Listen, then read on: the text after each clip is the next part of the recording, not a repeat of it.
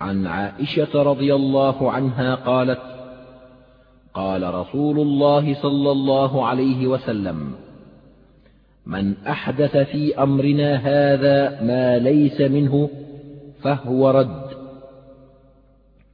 رواه البخاري ومسلم وفي رواية لمسلم من عمل عملا ليس عليه أمرنا فهو رد. هذا الحديث خرجاه في الصحيحين من حديث القاسم بن محمد عن عمته عائشة رضي الله عنها وألفاظ الحديث مختلفة ومعناها متقارب وفي بعض ألفاظه من أحدث في ديننا ما ليس فيه فهو رد. وهذا الحديث أصل عظيم من أصول الإسلام. وهو كالميزان للأعمال في ظاهرها كما أن حديث الأعمال بالنيات ميزان للأعمال في باطنها.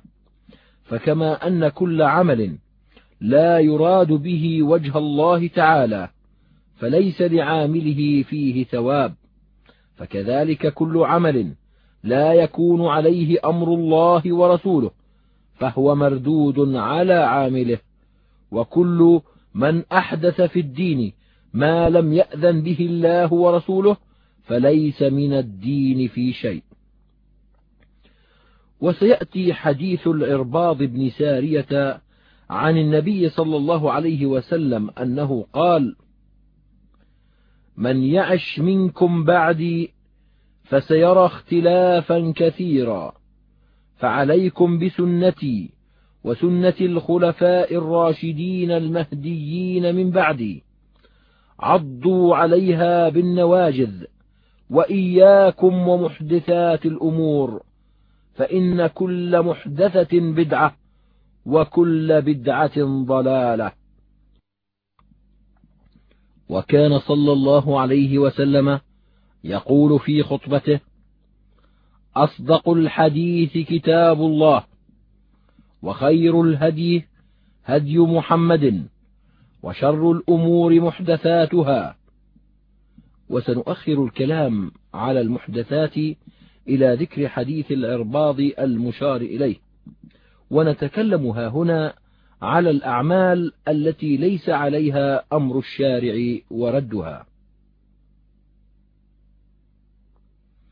فهذا الحديث يدل بمنطوقه على أن كل عمل ليس عليه أمر الشارع ليس عليه أمر الشارع فهو مردود ويدل بمفهومه على أن كل عمل عليه أمره فهو غير مردود والمراد بأمره ها هنا دينه وشرعه كالمراد بقوله في الرواية الأخرى من أحدث في أمرنا هذا ما ليس منه فالمعنى إذن أن من كان عمله خارجا عن الشرع ليس متقيدا بالشرع فهو مردود. وقوله ليس عليه أمرنا إشارة إلى أن أعمال العاملين كلهم ينبغي أن تكون تحت أحكام الشريعة وتكون أحكام الشريعة حاكمة عليها بأمرها ونهيها.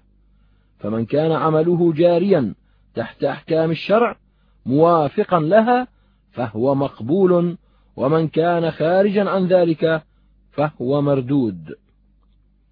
والأعمال قسمان عبادات ومعاملات. فأما العبادات فما كان منها خارجا عن حكم الله عن حكم الله ورسوله بالكلية.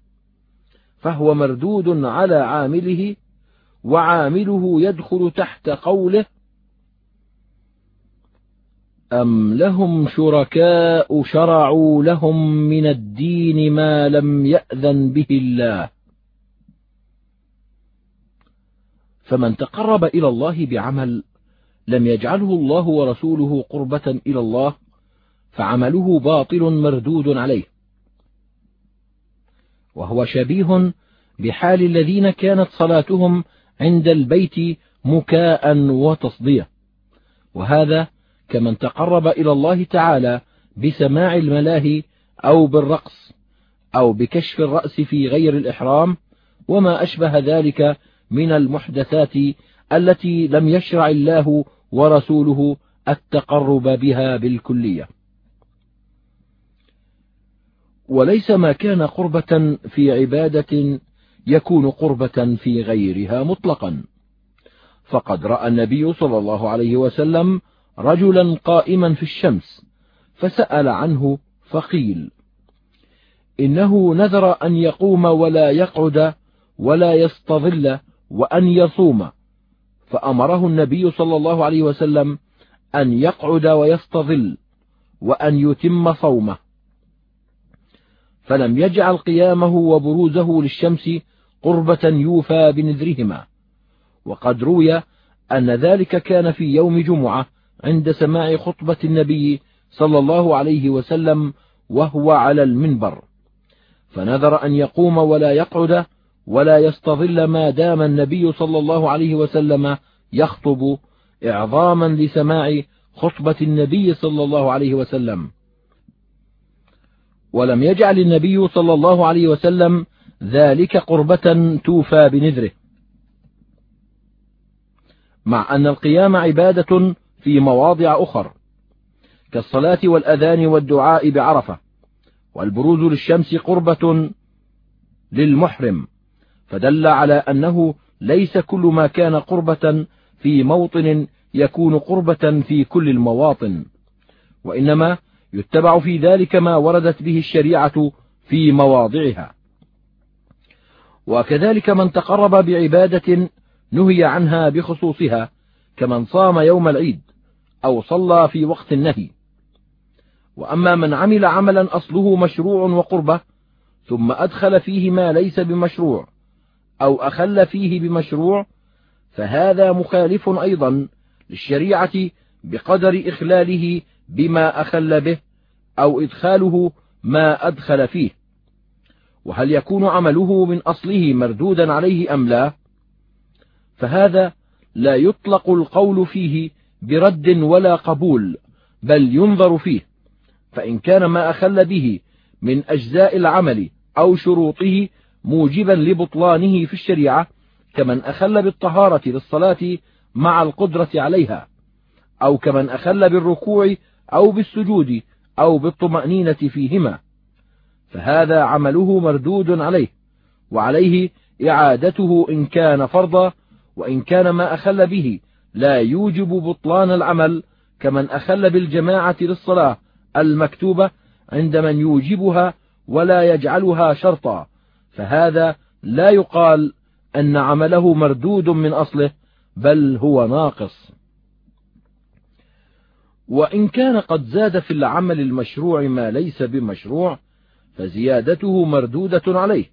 بمعنى أنها لا تكون قربة ولا يثاب عليها ولكن تارة يبطل بها العمل من أصله فيكون مردودا كمن زاد في صلاته ركعة عمدا مثلا. وتارة لا يبطله ولا يرده من أصله كمن توضأ أربعا أربعة أو صام الليل مع النهار وواصل في صيامه. وقد يبدل بعض ما يؤمر به في العبادة بما هو منهي عنه كمن ستر عورته في الصلاة بثوب محرم أو توضأ للصلاة بماء مغصوب أو صلى في بقعة غصب.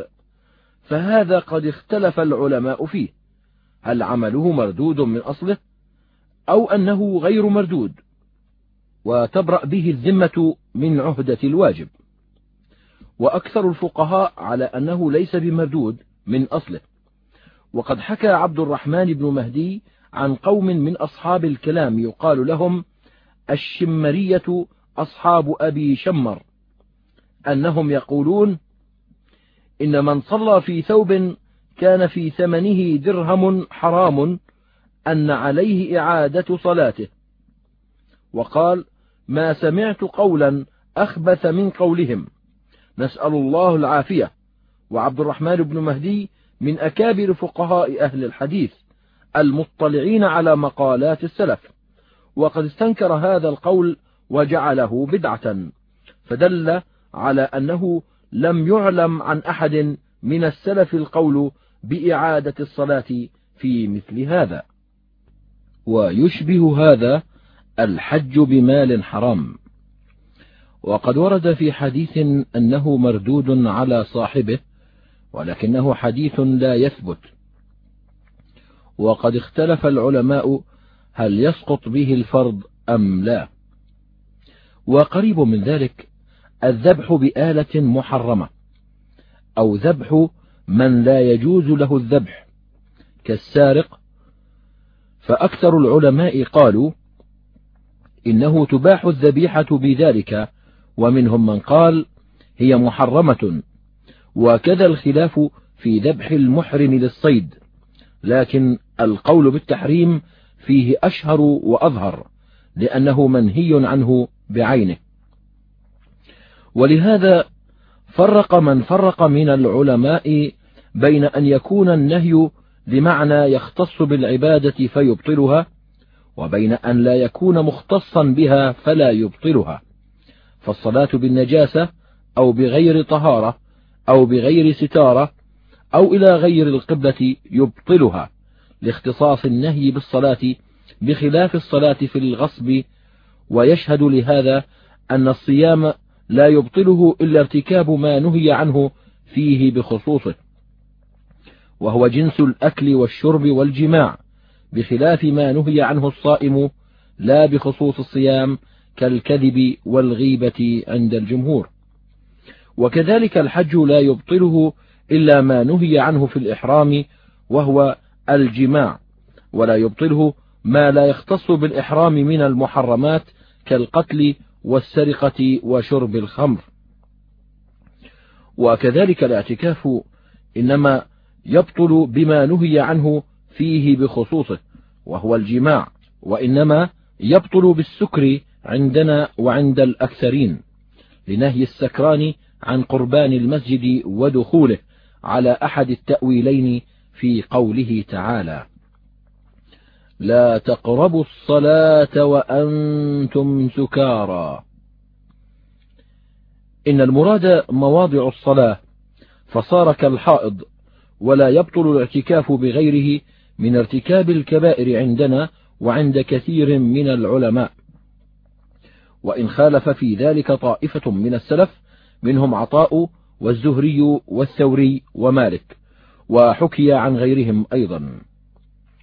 وأما المعاملات كالعقود والفسوخ ونحوهما فما كان منها تغييرا للأوضاع الشرعية كجعل حد الزنا عقوبة مالية وما أشبه ذلك فإنه مردود من أصله لا ينتقل به الملك لأن هذا غير معهود في أحكام الإسلام.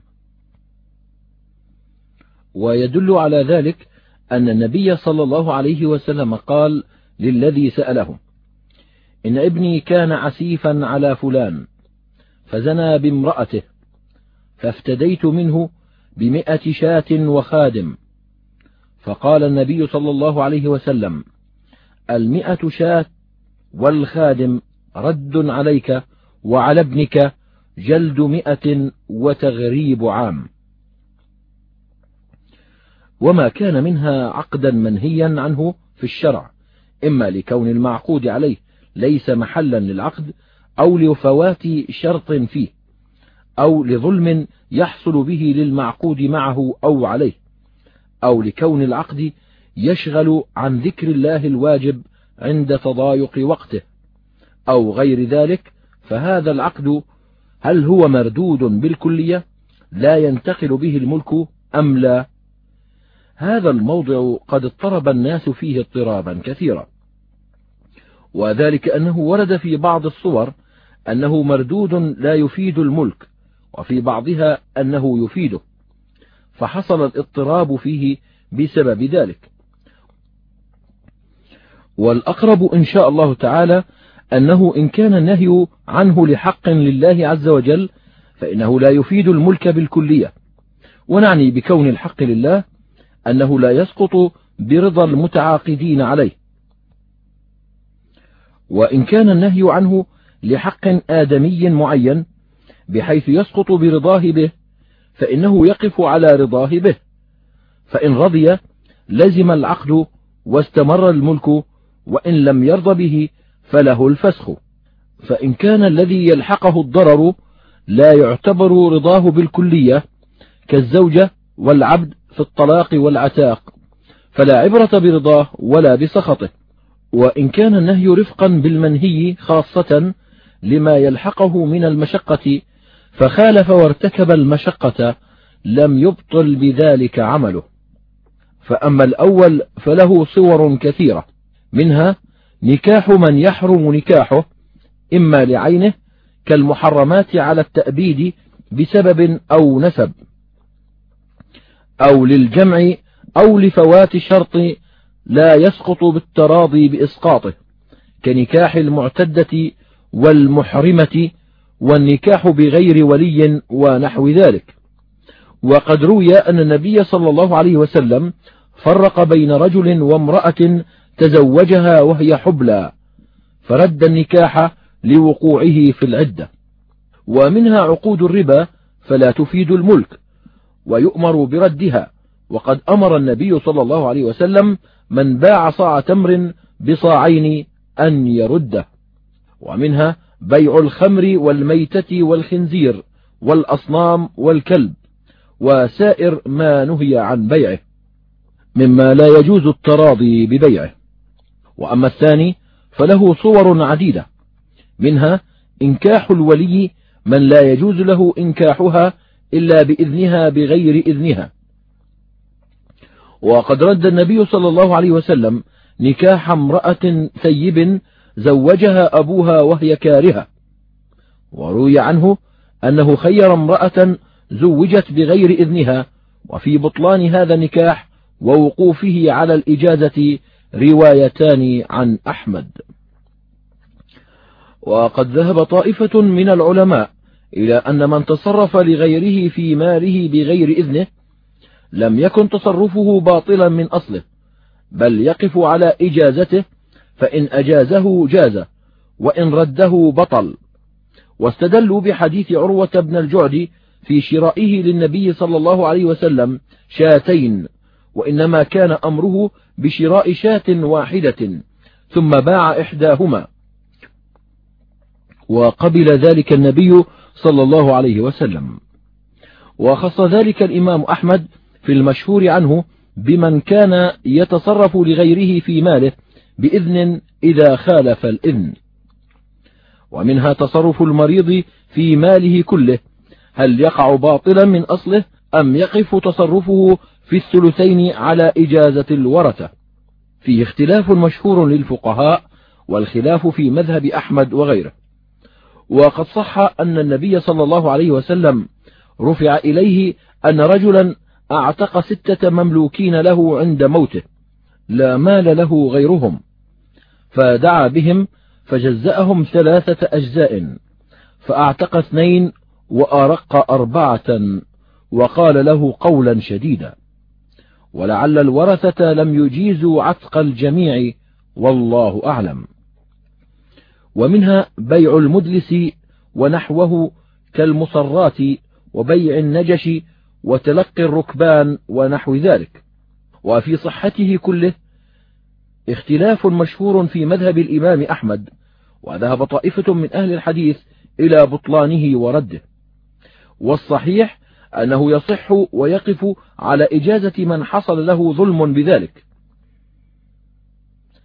فقد صح عن النبي صلى الله عليه وسلم أنه جعل مشتري المصرات بالخيار وأنه جعل للركبان الخيار إذا هبطوا السوق. وهذا كله يدل على أنه غير مردود من أصله. وقد أورد على بعض من قال بالبطلان حديث المصراه فلم يذكر عنه جوابا. وأما بيع الحاضر للبادي فمن صححه جعله من هذا القبيل ومن أبطله جعل الحق فيه لأهل البلد كلهم وهم غير منحصرين فلا يتصور إسقاط حقوقهم فصار كحق الله عز وجل. ومنها لو باع رقيقا يحرم التفريق بينهم وفرق بينهم كالأم وولدها فهل يقع باطلا مردودا أم يقف على رضاهم بذلك؟ وقد روي أن النبي صلى الله عليه وسلم أمر برد هذا البيع ونص أحمد على أنه لا يجوز التفريق بينهم ولو رضوا بذلك وذهب طائفة إلى جواز التفريق بينهم برضاهم منهم النخعي وعبيد الله بن الحسن العنبري فعلى هذا يتوجه أن يصح ويقف على الرضا. ومنها لو خص بعض أولاده بالعطية دون بعض. فقد صح عن النبي صلى الله عليه وسلم أنه أمر بشير بن سعد لما خص ولده النعمان بالعطية أن يرده. ولم يدل ذلك على أنه لم ينتقل الملك بذلك إلى الولد.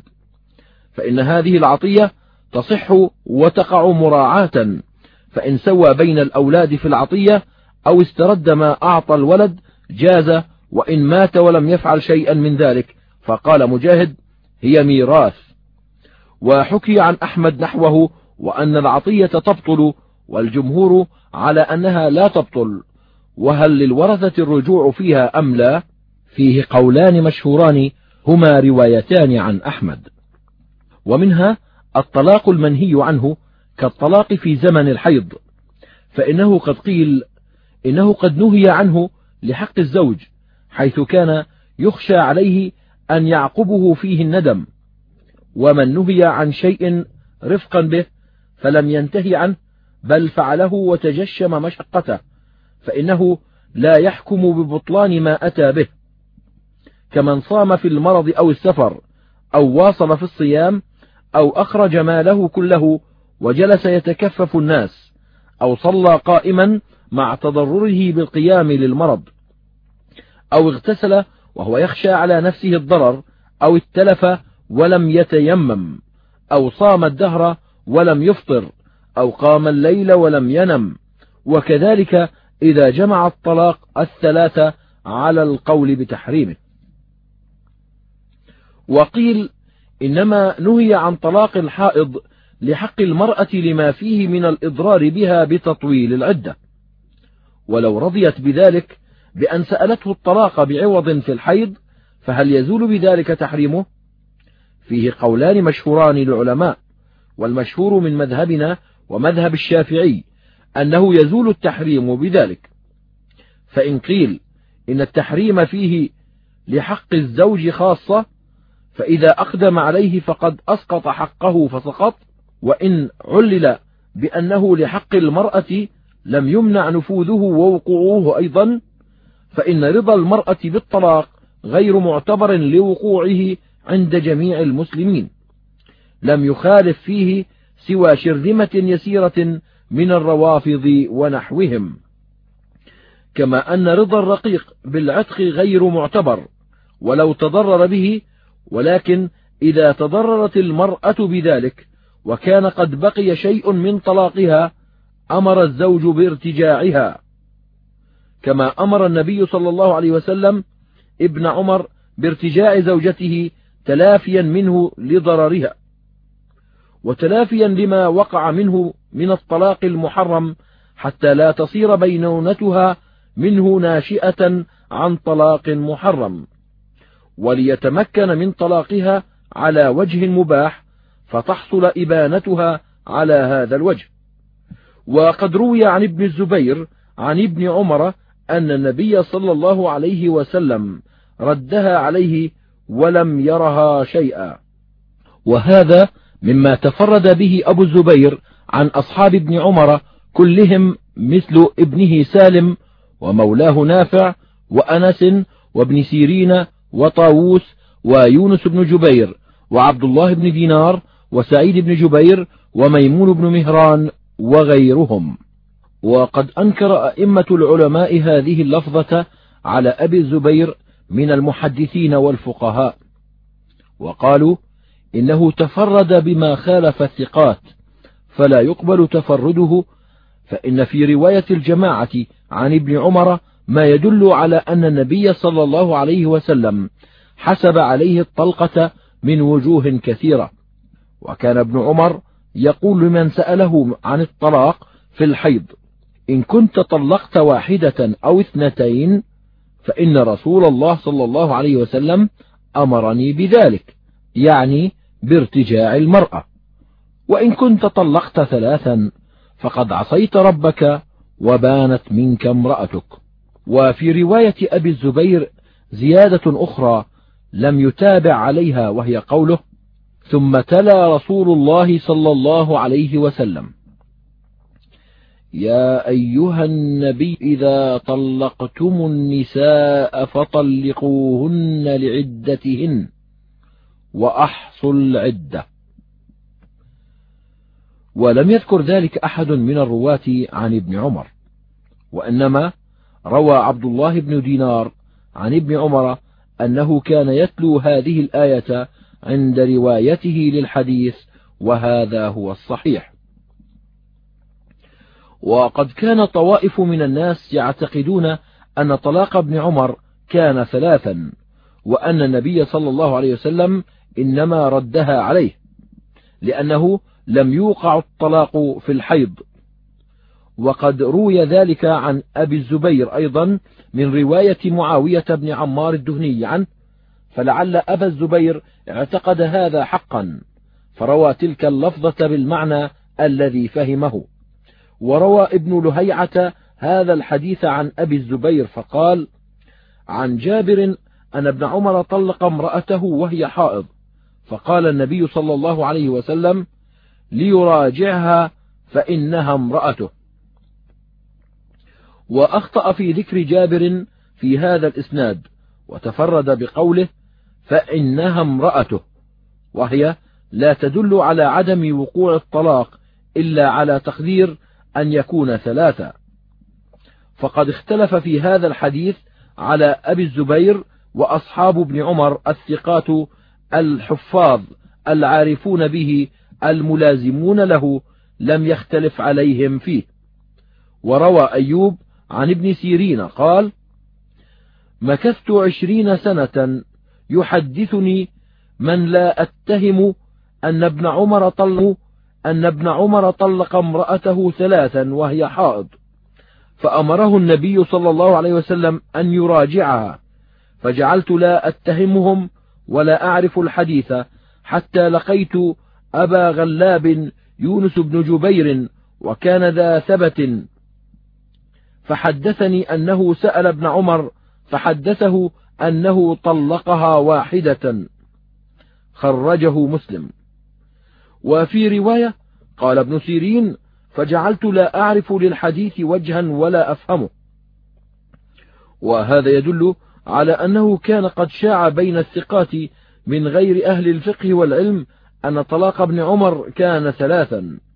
ولعل أبا الزبير من هذا القبيل ولذلك كان نافع يسأل كثيرا عن طلاق ابن عمر هل كان ثلاثا أو واحدة؟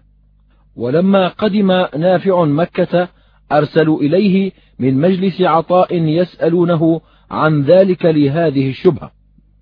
واستنكار ابن سيرين كار ابن سيرين لرواية الثلاث يدل على أنه لم يعرف قائلا معتبرا يقول إن الطلاق المحرم غير واقع. وأن هذا القول لا وجه له. قال الإمام أحمد في رواية أبي الحارث وسئل عمن قال لا يقع الطلاق المحرم لأنه يخالف ما أمر به. فقال هذا قول سوء رديء. ثم ذكر قصة ابن عمر وأنه احتسب بطلاقه في الحيض. وقال أبو عبيد الوقوع هو الذي عليه العلماء مجمعون في جميع الأمصار حجازهم وتهامهم ويمنهم وشامهم وعراقهم ومصرهم. وحكى ابن المنذر ذلك عن كل من يحفظ قوله من أهل العلم إلا ناسا من أهل البدع لا يعتد بهم. وأما ما حكاه ابن حزم عن ابن عمر أنه لا يقع الطلاق في الحيض مستندا إلى ما رواه من طريق محمد بن عبد السلام الخشني الأندلسي. حدثنا محمد بن بشار حدثنا عبد الوهاب الثقفي عن عبيد الله بن عمر عن نافع عن ابن عمر في الرجل يطلق امرأته وهي حائض. قال قال لا يعتد بها وبإسناده عن خلاس نحوه. فإن هذا الأثر قد سقطت من آخره لفظة وهي قال لا يعتد بتلك الحيضة. كذلك رواه أبو بكر بن أبي شيبة في كتابه عن عبد الوهاب الثقفي وكذا رواه يحيى بن معين عن عبد الوهاب أيضا. وقال هو غريب لم يحدث به إلا عبد الوهاب ومراد ابن عمر أن الحيضة التي طلق فيها لا تعتد بها المرأة قرأ وهذا هو مراد خلاس وغيره. وقد روي ذلك أيضا عن جماعة من السلف منهم زيد بن ثابت وسعيد بن المسيب فوهم جماعة من المفسرين وغيرهم كما وهم ابن حزم فحكوا عن بعض من سمينا أن الطلاق في الحيض لا يقع. وهذا سبب وهمهم والله أعلم. وهذا الحديث إنما رواه القاسم بن محمد لما سئل عن رجل له ثلاثة مساكن فأوصى بثلث ثلاث مساكن هل تجمع له في مسكن واحد؟ فقال يجمع ذلك كله في مسكن واحد. حدثتني عائشة أن النبي صلى الله عليه وسلم قال من عمل عملا ليس عليه أمرنا فهو رد. خرجه مسلم. ومراده أن تغيير وصية الموصي إلى ما هو أحب إلى الله وأنفع جائز. وقد حكي هذا عن عطاء وابن جريج وربما يستدل بعض من ذهب إلى هذا بقوله تعالى. فمن خاف من موص جنفا أو إثما فأصلح بينهم فلا إثم عليه. ولعله أخذ هذا من جمع العتق فإنه صح أن رجلا أعتق ستة مملوكين له عند موته فدعاهم النبي صلى الله عليه وسلم فجزأهم ثلاثة أجزاء فأعتق اثنين وأرق أربعة خرجه مسلم.